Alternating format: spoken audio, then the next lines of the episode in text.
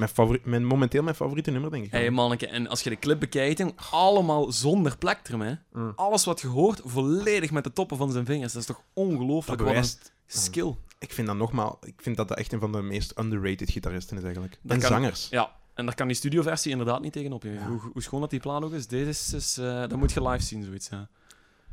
Ja, dat, nee, ik vind het fantastisch. En ik, ik zei het juist ook van... Ik, ik vind dat chic hoe dat hij met zijn charisma heel dat podium inneemt. Ja, ja. En ook nog wel even zeggen, Stevie Nicks, die komt er soms ook in beeld. En ja. dat, is, dat is wel geen missen, hè. Ja, dat is, dat is geen missen. Nee. Dat is eh, een mooie verschijning op het podium. Dus als je die ook live kunt zien, dat is eigenlijk een beetje gelijk Hannah Reid van London Grammar. Ja. Dat is onze Stevie Nicks eigenlijk Ja. een beetje. Hè. Van, van dit moment. Ja, want, want wij, beste luisteraars, wij zijn, ehm, ik denk een paar, wanneer was het? In januari ergens of zo? Eh, december. Nou, december, dat wij London Grammar zijn gaan zien in Lotto Arena in Antwerpen. En eh, wij waren al verkocht voor London Grammar. Maar nu dat we ze het drietal live hebben gezien op het podium, en zeker Hannah, die een beetje ziekjes was tijdens dat optreden. En ze heeft er ook Niks van gemerkt. Nee, niks van gemerkt, nee. Eh, een beetje stemproblemen, maar wat een vrouw. Ongelooflijk. Ik denk dat ik ermee ga trouwen later. I- Ja, nee, dan gaat je toch eh, voor mij moeten zijn. Want ik heb ondertussen al een mailtje gestuurd. Ik, eh, Een heel romantisch mailtje. ik vraag het aan. Ja, ik vraag gedaan. Met dat, met dat nummer van de fixjes erbij.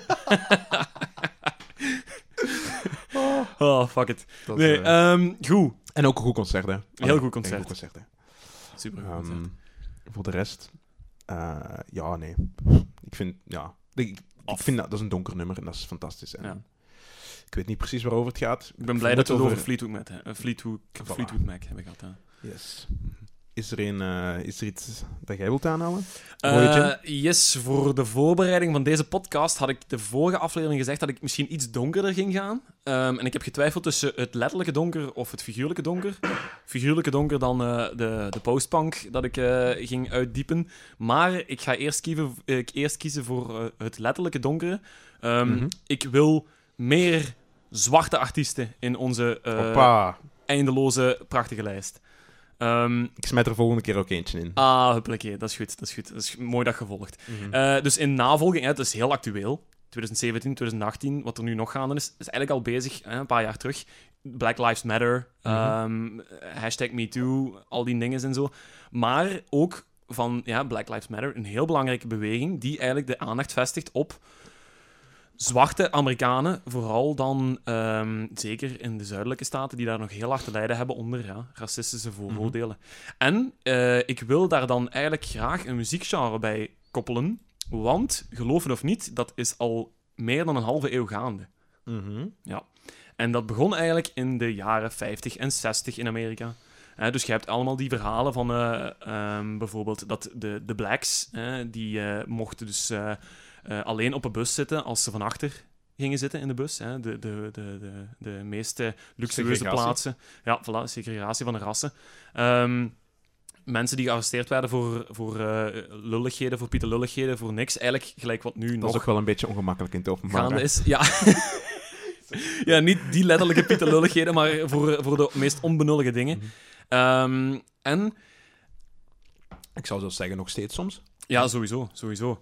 Maar wat dan in de jaren 60 is gebeurd, namelijk op 12 januari 1959, of ja, hè, dus één jaar voor de jaren 60, eh, is een zekere eh, Barry Gordy. Barry Gordy. Barry Gordy Jr. Ja. En wie is Barry Ah. Gordy Jr.? Die naam gaat u niks zeggen, maar als ik daar meteen de naam Motown aan koppel, dan moet misschien al een belletje gaan ringen. Eh, nee. nee? nee, Motown. het is- ik ben niet bekend met het... eh, Ik ga het u helemaal uitleggen, DJ Jans Pecht. We gaan het eh, volledig ontspinnen. Nee, Barry Gordy Jr. is eigenlijk de oprichter van Is het- Motown. Gaat hij onder een andere naam? Nee, nee, nee, Ah, dat, is echt, zijn naam. dat is echt zijn echte naam, ja. Ah, Nee, ja, kan ik dus Barry Gordy was een inwoner van Detroit. En geloof het of niet, Motown is een afkorting voor motor en town. Motortown? Motortown. Ah, Detroit. Detroit, industriestad. Thuis van industriestad, hè, van Ford, van Ford Ja. Motors. General Motors ook? of is dat... Ehm, Dat is ergens anders. Ja, dat, is ergens, dat, Ja. dat gaan we anders even opzoeken. Ja. Ehm, maar Motortown en Barry Gordy Jr. vond dat er heel weinig eh, echte labels waren, platenlabels waren, die zwarte artiesten in hun etalage zetten. Ehm, daar worden namen genoemd van sommige kleinere labels, zoals eh, eh, Peacock Record en VJ Records. Maar Ehm, er was geen echt label dat dat promote. En dus zei hij van, fuck it, ik richt mijzelf een label op. En dat droeg dus de naam Motown. Dus eigenlijk voluit Motown Records Corporation. Mhm. Ja. Ehm, en eigenlijk gedurende die eh, decennia, hè, dus de jaren 60 en 70, kent dat label zijn grootste successen. En waarom was dat? Eh, dat is allemaal prachtig eh, geïllustreerd en onderzocht zelfs door eh, de University of Michigan. Doordat de segregatie is Doordat de afgeschaft? segregatie, ja. Ja. Omdat er eigenlijk... Motown was een soort van platform waarin dat zwarte mensen zich konden profileren als ook artistieke mensen. Mhm. Hè, dat was eigenlijk een opening, een soort van weg, een soort van stootram die ervoor zorgde dat zwarte mensen ook een stem hadden. Letterlijk een stem. Ja. Dan ook op LP's, op plaatjes, op de radio. Ehm, daarvoor, daarvoor maakten ze veel muziek, maar dat was vooral onder eh, de vorm van gospel, zeker, op de plantage. gospel en heel veel, voilà, inderdaad, en, en de blues en, en, Ja. en allemaal. Dat zijn eigenlijk ja, meer, meer eh, genres die vanuit klaagzang eh, worden, worden gebruikt of zijn ontstaan. Hè, dus inderdaad vanuit de plantages en zo. Maar Motown is eigenlijk juist het andersom. Motown wil eigenlijk ehm, een soort van gevoel geven aan de luisteraars van dit is vrolijk, dit is stof, dit is plezant en wij zijn er. We zijn hier niet om iemand dwars te eh, bomen. Hè. Wij zijn hier om plezier te maken. En wij zijn deel van een cultuur, van een prachtig land. En via die muziek willen we dat eh, laten horen. Dus Barry Gordy ehm, richt ehm, zijn platenlabel op Motown. Nu, allemaal goed en wel, maar zonder artiest heb je geen platenlabel. Ja? Ehm, dus hij gaat op zoek naar ehm, zijn artiesten. En een van de Ging, ging hij zelf geen muziek maken dan? Of, eh, Ehm, nee, nee. Hij ging zelf geen eh, muziek maken. hij zegt, ik, ik, eh, ik maak er een platenlabel, maar ik ga zelf geen muziek maken. Ja, nee, inderdaad. Dus hij gaat op zoek naar...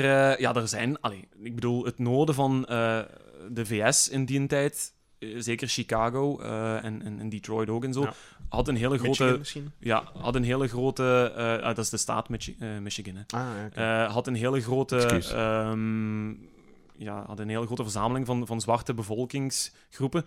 Eh, en de eerste echt artiest die hij eh, weet te strikken, die ook commercieel succes oplevert, is een voormalige gospelzinger. Hè, dus voilà, Aha. daar heb je het. Eh, Barrett Strong.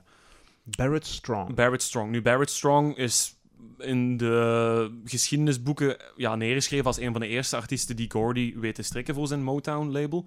Maar echt Geen sterke artiest. hè? Nee, geen hits. Echt had hij niet. Ehm, hij heeft wel één hit gehad, Money, That's What I Want. Eigenlijk zo'n beetje zo Hello Black. Ah. Eh, zo, zo, Ja. Need a Dollar, hè, zo in dat genre zo'n beetje. Ehm, dat is mooi, dat was mooi, eh, dat was goed en dat werkte. En ehm, dat was een goed begin. Nu, een goed begin, maar om het te doen maken in het eh, radiogezelschap, in het radiolandschap, gaat hij op zoek naar andere eh, artiesten. En op een bepaald moment komt hij uit bij een, ehm, bij een act. Eh, Een act, echt een groep. Mhm. En een van de eerste groepen die commercieel succes behaalt eh, onder eh, de vleugels van Gordy is Smokey Robinson en The Miracles. Daar heb ik wel van gehoord. Ah, voilà. En daar gaan we ze weer een plaatje van luisteren. Ah, oké. Ja, ja, ja, want Wow. Smokey Robinson is, en The Miracles hè, is, een, is, een, is een hele mooie groep die eigenlijk het typische Motown eh, blauwdruk bevat. Oké. Eigenlijk. Dat is vrouwenstemmen. Hè, want Mooi. Motown heeft in de loop der jaren ook artiesten gehad zoals The Supremes, Diana Ross en de Supremes. Dat waren dus voornamelijk eh, vrouwenstemmen. Ehm, dan heb je bijvoorbeeld ook nog eh, ja, een hele, heleboel mannenstemmen, zoals eh The Temptations. Mhm. Hè, die kent je ook waarschijnlijk eh, van een paar hits. Mhm. Van My Girl bijvoorbeeld. Ehm, Zing het eens. Nee, ik kan niet zingen. Nee. De Four Tops horen er ook bij. Marvin Gaye stond ook op het platenlabel. Eh, ja, dus heel veel van die gerenommeerde artiesten zijn eigenlijk op Motown begonnen. Maar Smokey Robinson en The Miracles was de eerste act die echt daarop intekende. Smokey Robinson was de leider van de band, maar het prachtige aan die groep zit hem in de vrouwenstem van Claudette Robinson. Aha. Ja, en eh, Claudette is eigenlijk na heel veel verschuivingen eh, onder de leden en, en weet ik veel wat, is hij uiteindelijk in eh, 58 permanent bij de groep gegaan. Eh, en je hoort het al aan de achternaam, Claudette Robinson en Smokey Robinson. Die zijn uiteindelijk getrouwd en dat was een koppel. Hè, dus dat was een koppel in, binnen de groep. Ehm, En dat was een heel mooie groep. Die hebben eh, redelijk veel hits gehad. Eh, zeker een stuk of twintig. Ehm, belangrijke hits zijn bijvoorbeeld eh, Do It Baby, Love Machine. ehm, en ook een heel mooi nummer, The Tears of a Clown. Oké. Ja, dat, is echt, dat is echt heel upliftend. Eh, heel, heel zo, ja, ook zo een beetje zo weer carnavalesk zo. Voilà, daar zitten we met onze Ja, ja, Zo, zo weer met die clown en zo. Maar dat is niet het nummer dat ik ga selecteren. Uh-huh. Want ik wil liefst van al het nummer selecteren I Second That Emotion. I second that emotion. I Second That Emotion. En ik zweer u, als jij niet weet wat Motown inhoudt, of hoe de klank van Motown is, dan raad ik u aan eerst dit nummer te luisteren. Want dit is alles wat Motown is. Dit is een, goed gevoel, dat is een beetje upbeat, een mooie vrouwenstem, dat is een boodschap, wat eigenlijk zegt van ik hou van u, ik hou van iedereen, en ik hou van dit hier allemaal. En dat hebben die zwarte mensen nodig gehad in die tijd, hè. Een positieve, positieve boodschap. Positieve vibe, ja. Het nummer zelf is eh, in 67 uitgekomen. Ehm, op eh, dus, eh, de Motown-label.